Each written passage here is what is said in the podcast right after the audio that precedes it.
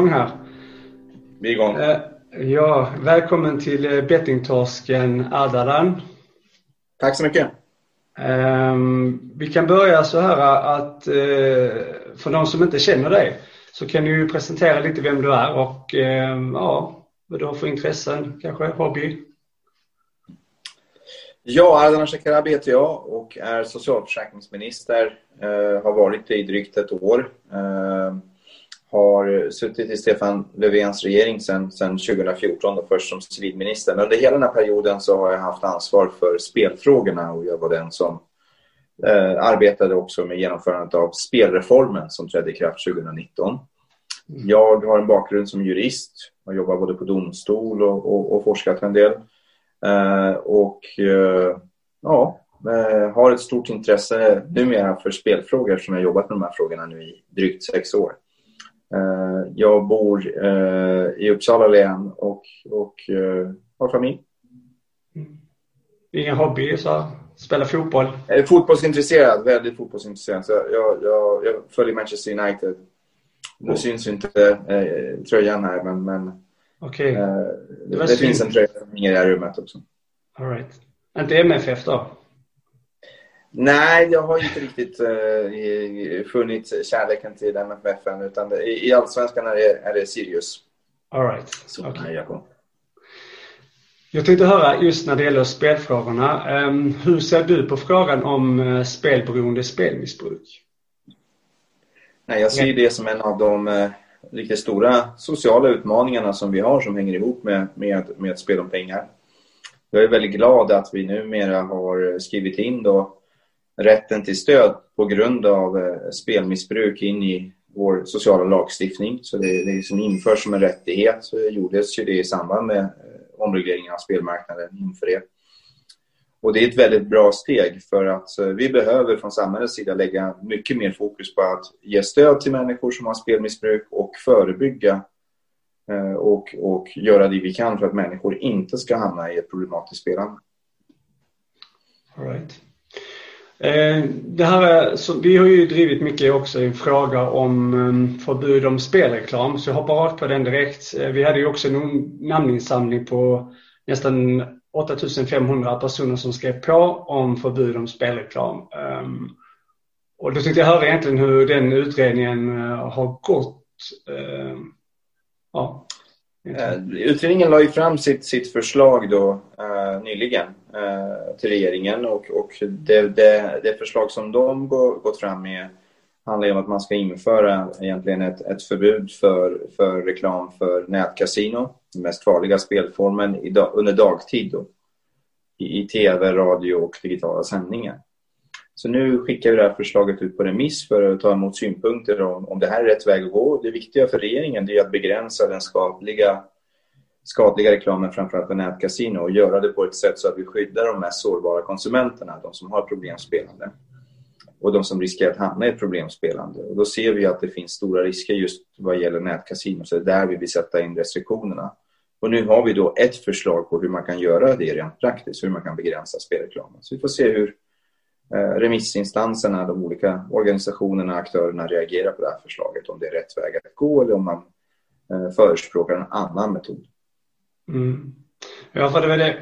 Jag kunde utläsa det också. Jag har ju eh, ganska god koll här, eller jag har följt med såklart i utredningen och jag fick se det här förslaget som lämnades fram och då var det ju tal om, om själva förbud mellan 6 på morgonen och 21 på kvällen. Mm. Jag undrar egentligen varför det inte är varför inte ett förslag om totalförbud? Och när de ändå liksom lägger fram att det här är skada och vill begränsa det i förslaget. Att inte det kommer fram ett förbud helt och hållet. Eller då det här förslaget när det i så fall kommer träda i kraft. Eh, om man pratar om det som har lagts fram. 6 till 9 då. Eh, vad gäller valet av metod, varför de har just föreslagit det här upplägget med, med förbud under vissa tider på dygnet. Det är ju liksom Eh, en väg som de har valt. Vi får se hur remissinstanserna reagerar på det här och hur man, hur man ser på det här vägvalet eller om det finns aktörer som vill eh, forma det här eh, förbudet, den här begränsningen på ett annat sätt. Så jag vill egentligen vänta och se hur de olika aktörerna reagerar på det här förslaget. Men målsättningen från regeringens sida det är ju att vi ska under den här mandatperioden driva igenom den här restriktionen, den här begränsningen av, av den skadliga spelreklamen. Mm. Så vår målsättning är ju att, att, att eh, detta ska eh, drivas igenom under nästa år.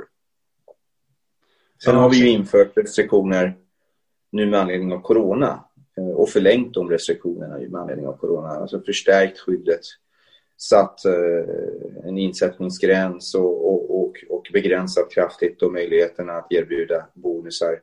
Just för att vi vet att vi befinner oss i ett väldigt speciellt läge med en ekonomisk oro och social isolering. Så därför så, så har vi då under, under den här perioden då infört eh, ytterligare restriktioner utöver, utöver det som gäller i lagstiftningen fall. Mm. Eh, vad kommer att hända nu alltså efter utredningen? Hur lång tid kommer det ta innan det beslutas någonting om utredningen av det här förslaget? Då? Ja, det troliga är ju att, att vi kan driva igenom då en lagändring under 2022. För nu ska det här remitteras då, så då, då får ju remissinstanserna ett par månader på sig att inkomma med remissvar och sen så ska man då bearbeta de här remissvaren och eventuellt då komplettera eller justera förslaget beroende på vad remissinstanserna säger. Och sen ska det här skickas till lagrådet där jurister eh, lämnar ett yttrande över det här förslaget.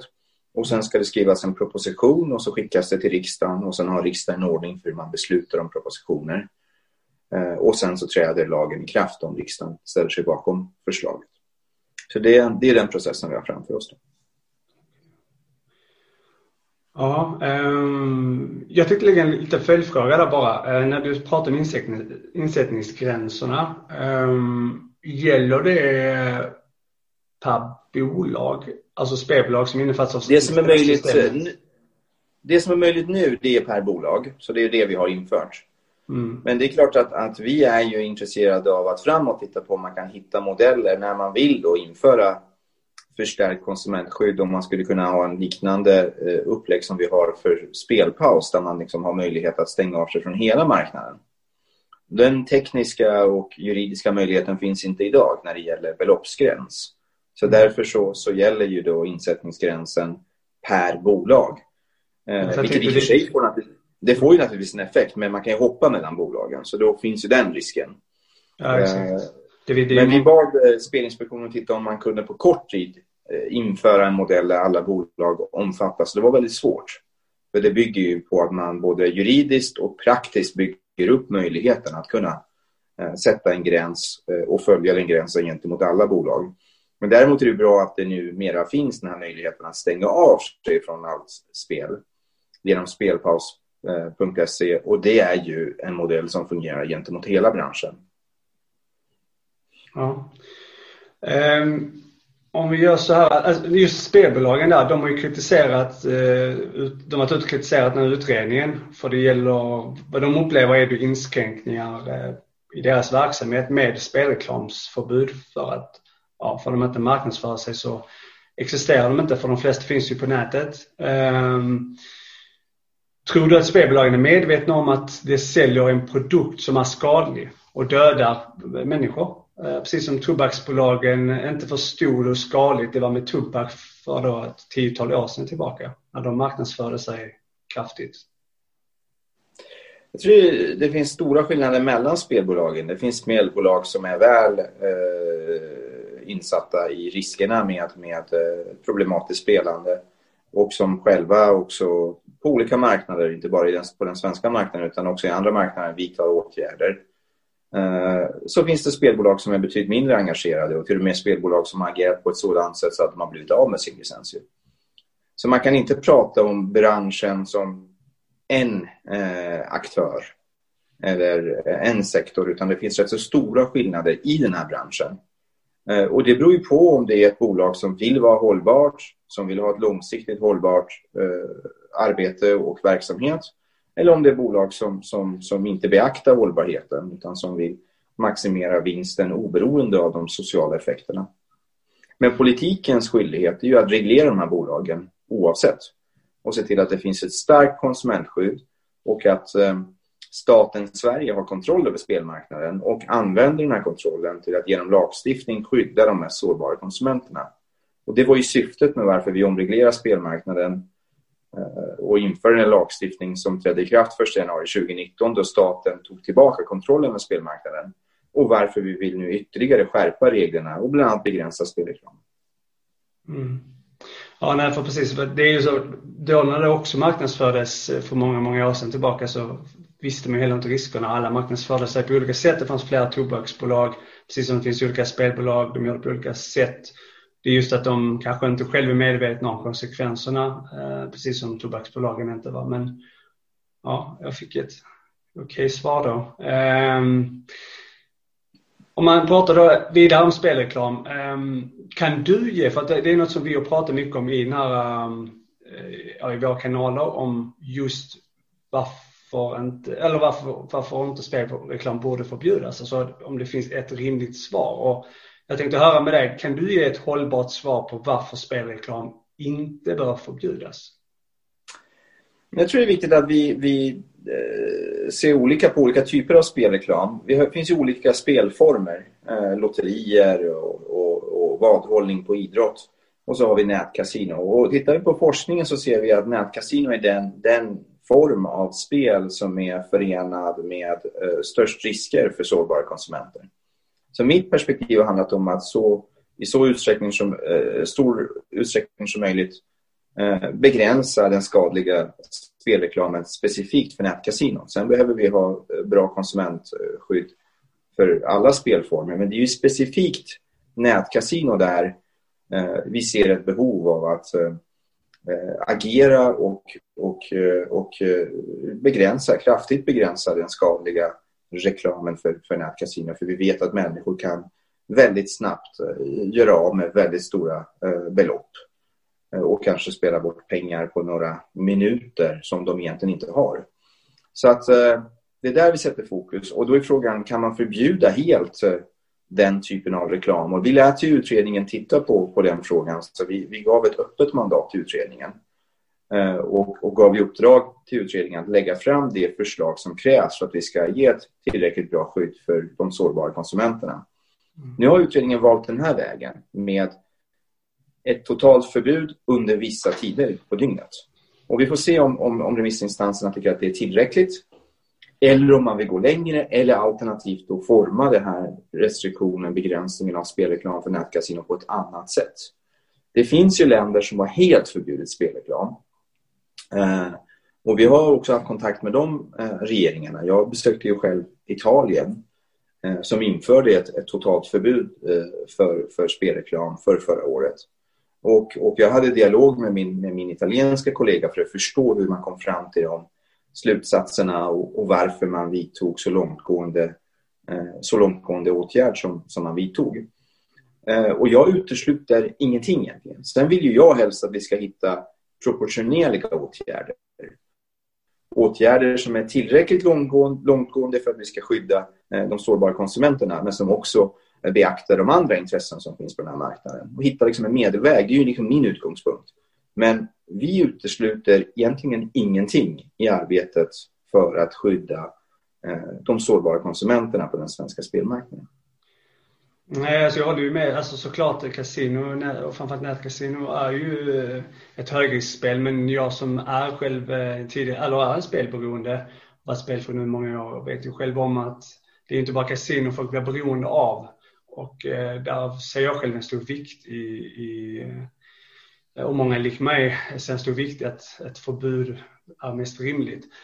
Ja, du pratade lite om forskning också, att det är forskat på att, att kasinot är mest eh, och, det, och där tänkte jag också kolla lite när det gäller forskningen, för jag har en fråga om det här. Om, ehm, vad tror du vad tror du om spelbolagets ekonomiska bidrag i exempelvis forskningen? För att det är en del spelbolag som också stöttar ekonomiskt forskningen och kan det svenska folket verkligen lita på den forskning som publiceras i de frågorna om spelberoende?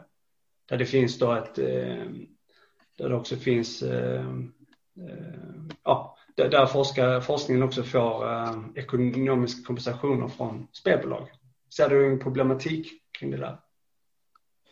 Det är inte ovanligt att, att, att branscher och, och kommersiella bolag på olika sätt stödjer forskning. Eh, det som är viktigt då är att man hittar modeller så att den här forskningen blir oberoende. Och min bild av den forskning som bedrivs, bland annat på Uppsala universitet och, och, och Lunds universitet, om spelrelaterade frågor, att, att den forskningen håller väldigt hög eh, kvalitet. Jag har haft väldigt stor nytta av att ta del av, av den forskning som bedrivs på det här området. Jag har nära kontakt och dialog med forskarna. Eh, och vi har varit väldigt noga med att också involvera forskningen eh, i eh, arbetet när vi tar fram underlag inför politiska beslut. Bland annat när det gäller de här tillfälliga restriktionerna som vi införde med anledning av corona. Men också vid andra tillfällen har vi haft en nära dialog med forskningen. Och vi har naturligtvis också haft våra universitet där den här typen av forskning bedrivs som remissinstanser. Så jag anser att det är viktigt att det bedrivs eh, forskning, oberoende forskning eh, om eh, spelrelaterade frågor. Jag ser inte bara negativt utan också väldigt många gånger positivt på att bolag är med och finansierar forskning som, bedriv, som, som berör det verksamhetsområde som bolagen har. Men då måste man ju säkerligen då hitta metoder för att forskningen ska vara oberoende. Och det har ju forskningen lång erfarenhet av. Det är ju liksom ingen ny frågeställning i, i forskningsvärlden. Ja. Eh, om jag så att vi hoppar lite till um, ni i regeringen generellt. Alltså, det, det är så att det finns ett stort uh, vinstintresse för spelbolagen, många är börsnoterade och så vidare. Och många människoliv eh, offras ju på grund av de här vinstintressena för att man faller in i ett spelberoende. Vad har ni för ansvar i dessa frågor eh, när det gäller just att förebygga? Har ni en hållbar plan på hur man kan förebygga det här spelberoendet? Vi har ett stort ansvar. Alltså, regering och riksdag är ju eh, ansvariga för, för eh, den lagstiftning eh, som gäller för eh, spelbranschen i vårt land. Eh, det var ett ansvar som man inte tog under lång tid. Fram till 1 januari 2019 hade vi nästan 20 år av eh, vilda västern på spelmarknaden. Där de här utlandsbaserade spelbolagen inte omfattades av svensk lagstiftning utan kunde bedriva spelverksamhet gentemot Sverige utan att behöva följa några eh, konsumentskyddsregler eller, eller marknadsföringsregler. Mycket problematiskt. Så det är väldigt bra att staten nu återigen återtagit kontrollen. Vi har ansvaret. Vi har infört en omsorgsplikt. Och den här omsorgsplikten ska allt eftersom fyllas med innehåll i praxis som, som reglerar hur spelbolagen ska agera för att förebygga problemspelande, för att förebygga att människor hamnar i spelmissbruk. Eh, det här begreppet och skyldigheten i svenska spellagstiftningen behöver konkretiseras av våra myndigheter som kontinuerligt jobbar med de här frågorna. För att eh, vi behöver tydlig reglering och vägledning till spelbolagen vilka, om vilket ansvar bolagen har för att vidta åtgärder för att förebygga spelmissbruk. Det är en väldigt viktig komponent, en viktig del av den svenska spellagstiftningen, den här omsorgsplikten. Och det kanske inte har fått tillräckligt mycket uppmärksamhet i debatten om, om spellagstiftningen. Men vi kommer naturligtvis att lägga fokus på också eh, omsorgspliktens innebörd och hur den här plikten kan konkretiseras eh, och bli ännu tydligare. Ja, för det, det är viktigt att den tolkas lika av alla, framförallt mm. spelbolag. Um, vi ser ju också nu att det är flera um, olicensierade spelbolag som, som dyker upp nu eh, som inte tillhör då licenssystemet. Eh, precis som du sa innan och beskrev vilda västern. Eh, jag håller med. Många av de bolagen är ju idag i, har ju licenser som tidigare var ute i vilda västern. Men nu är det ju andra som inte har licens som är ute, de marknadsför sig. Tycker du att licenssystemet funkar? Ja, i det stora hela så, så, funkar det ju väldigt bra. Vi har ju en, en, en, hög grad av anslutning till svenska systemet och en väldigt stor del av marknaden eh, ägs ju av, av eh, de licensierade bolagen. Eh, så vi har en hög grad av det som kallas kanalisering, alltså anslutningsgrad. Eh, också i jämförelse med andra länder. Så det, det, det är ju lyckat på det sättet. Men mitt perspektiv handlar om att få bort alla olagliga aktörer. De ska bort. De ska inte ha någon marknadsandel i Sverige. Så därför har vi ju precis satt igång ett arbete där vi ska egentligen eh, göra arbetet mot de olagliga spelbolagen, icke-licensierade spelbolagen, mer intensivt. Där hela staten ska gå ihop, inte bara Spelinspektionen och Konsumentverket utan också polisen, Skatteverket, Finansinspektionen. Staten ska använda sig av alla sina muskler för att hålla borta de här bolagen. Och är det så att de här eh, bolagen går runt lagstiftningen som innebär att, att staten behöver nya verktyg för att hålla borta dem, då ska vi ta fram de verktygen. Så en särskild utredare som heter Gunnar Larsson eh, har fått i uppdrag att titta på det här och se till att myndigheterna samordnar sig och föreslå också lagändringar om det behövs för att myndigheterna ska ha rätt verktyg. För min målsättning är att vi ska göra det vi kan för att hålla borta de bolag som saknar licens. Det handlar ju också om att skydda systemet. För har vi ett system med långtgående krav på konsumentskydd och på omsorgsplikt och marknadsföringsbegränsningar, då måste ju det kombineras med ett väldigt hårt arbete för att hålla borta de bolag som inte omfattas av den här lagstiftningen, som saknar licens. För annars blir det också illojal konkurrens gentemot de bolag som följer regelverket och som, som har fått svensk licens. Men hur, hur kommer ni i praktiken, hur kommer ni åt dem? Alltså, eh, där finns ju olika system och vi har ju diskuterat det här mycket också i, i, i min bransch, eller vad man säger att IP-blockering är ju ett bra sätt eh, som eh, fungerar i andra länder. Jag vet att Danmark tror jag har IP-blockering. Eh, och eh, bordet till exempel, det är ju tips för mig till dig annars om inte ni har en lösning, eh, skämt åsido, eh, att borde inte spelbolagen som inte innefattas av licenssystemen IP-blockeras? Så att användarna, svenska, alltså personer i Sverige inte kan komma in ens på hemsidorna. Det är ett av alternativen. Ett annat alternativ är att använda det verktyg som vi har med betalningsblockering. Alltså blockera betalningar till, till icke-licensierade spelbolag. Där har ju eh, Spelinspektionen eh, funnit att det finns ett eh, antal hinder för att inspektionen ska kunna använda sig av det här verktyget. Som rör till exempel sekretessregler och annat. Så därför så har Gunnar Larsson eh, då i uppdrag att titta på det här. För det är klart att har vi nu pekat på betalningsblockering som ett alternativ, ett verktyg för myndigheterna för att hålla borta de här bolagen, då måste ju det här verktyget också kunna användas effektivt och i stor utsträckning så att vi kan hålla borta de här bolagen. Eh, och sen är det viktigt att vara noga med att vi har ju kriminaliserat eh, erbjudande eh, av, av illegalt spel, av, av icke-licensierat spel. Och då måste ju också och, den här kriminaliseringen leda till att, att den som eh, olagligen då marknadsför icke-licensierat spel eller erhåller då den typen av, av, av, eh, av spel eh, också lagförs och får ta sitt straff. Mm. Eh, vi var inne lite på spelpaus, du pratade om det i början här, eh, att det var en åtgärd som, som ehm, hade införts. Ehm, det är en spärrtjänst, för de, de flesta vet ju det idag, men en spärrtjänst som gör att personer som har spelberoende får då ett visst skydd. Um, och visst skydd menar jag med att uh, ja, bland annat så efter ett år kan man låsa upp det igen till exempelvis. Uh, jag som spelberoende tycker ju inte kanske det är optimalt för att jag vet att man är spelberoende hela livet. Men um, de olicensierade spelbolagen, de innefattas ju inte av spelpaus. Hur tänker ni lösa det? De måste hållas borta från, från den svenska spelmarknaden och då måste vi använda oss av bland annat av betalningsblockering. Sen finns det andra förslag som vi har fått på vårt bord, bland annat att det ska införas ett licenskrav också för underleverantörer. Som innebär att bland annat de tekniska underleverantörer som möjliggör eh, erbjudande av olika spelformer, att de måste eh, ha svensk licens för att kunna erbjuda då sina tjänster till, till eh, licensierade spelbolag i Sverige. Och det ska då förutsätta att man inte Eh, tillhandahåller den typen av tjänster för icke-licensierade bolag. Så det finns konkreta förslag nu på vårt bord också om hur vi kan förstärka arbetet för att hålla borta de här bolagen. Okej. Jag har en annan fråga som eh, rör lite eh, samhället i stort eh, mer och framförallt föreningslivet. Jag undrar egentligen att, eh, hur du ser på att spelbolagen styr många av de här viktiga funktioner som då föreningslivet. Är det inte ni i regeringen som ska ekonomiskt trygga föreningslivet eh, så att ja, föreningslivet inte är bundet till spelbolagens ekonomiska bidrag och intressen? Alltså I Sverige finns en lång tradition av att ideella aktörer, bland annat eh, idrottsrörelsen, finansierar delar av sin verksamhet genom intäkter från lotterier.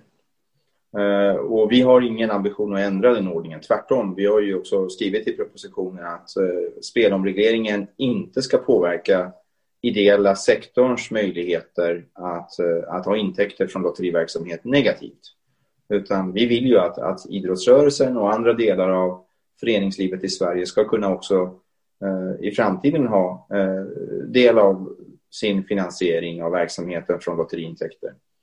Så det står vi för och det tror jag är en viktig del av, av egentligen eh, civila samhällets eh, finansiering av, av ideella verksamheter. Ja, det, det, för mig, för mig, jag tycker själv att det, det, är liksom lite tufft för att um, något som leder till spelberoende i form av spel, alltså um, det, man är så beroende av det. Det, det är liksom, um, ja, uh, jag tänker bara om inte spelbolagen skulle funnits eller de bidragen skulle vara, så är det väl meningen för alltså själva föreningslivet och idrottsrörelsen ska kunna fungera ändå. För att många av dem är så beroende, skulle inte det funnits det, den intäkten så skulle, så skulle de inte ens eh, existerat kanske. Nej, jag tror, jag tror vi måste då se till att konsumentskyddsregler, olika åtgärder för att skydda sårbara konsumenter gäller hela spelmarknaden. Och att eh, vi ser till att eh, alla spelbolag som har licens måste följa konsumentskyddsregler och att vi har också den här möjligheten att stänga av sig från spel och att vi också sätter in speciella restriktioner för bland annat marknadsföring av de farligaste spelen. Jag tror att det är en mer effektiv väg för att också skydda konsumenterna på den här marknaden. Okej, eh, jag eh, hade faktiskt inte så många fler frågor. Eh, är det någonting som du skulle vilja fråga mig? jag vill egentligen framföra ett stort tack till, till dig och, och dina vänner som, som arrangerar det här och, och som sätter fokus på de frågor som handlar om spelpolitik och, och arbetet också för att ge stöd till människor som har problemspelande. Så jag är väldigt tacksam för den här möjligheten också att föra en dialog med era tittare och lyssnare. Yeah. Jag hade däremot en sista fråga, så du kommer inte undan. Det är eh, egentligen vad, eh, ja, vad har du för planer nu framöver? Eh, är det något, eller kan du rekommendera något i livet? Vi brukar ställa det som frågor här i, i podden. Är det något i, i livet du skulle vilja rekommendera oss? Så det behöver inte handla om spel och, och spel. Nej, för min del, alltså jag har ju under det här året som jag har bakom mig funnit verkligen kärleken för friluftslivet. Så jag har rört mig i, i, i, eh, i skogen, jag har varit ute och, och grillat i skogen nästan varje helg. Eh, jag har upptäckt den svenska fjällen och, och gjort en del vandringar. Och för mig har det varit en, en räddning eh, under det här svåra året som, som vi har bakom oss med corona. Mm. Och jag har liksom upptäckt sidor av Sverige som jag kanske inte hade upptäckt tidigare. Så att jag rekommenderar alla att, att, att, att njuta av, av, av naturen, av friluftslivet, att besöka de lokala naturreservaten och, och nationalparkerna. Det finns fantastisk natur i vårt land och det mesta är lättillgängligt. Eh, och eh, varför inte använda oss av, av de här rikedomarna? Det är fint. Fick du sån stormkök i, i julklapp då? Det var ju årets julklapp. Jag köpte faktiskt eh, stormkök redan i sommar. jag, var lite, jag var före kan man säga. Okej, okay, tack så mycket Adalan. Tack så hemskt mycket. Bra, tack.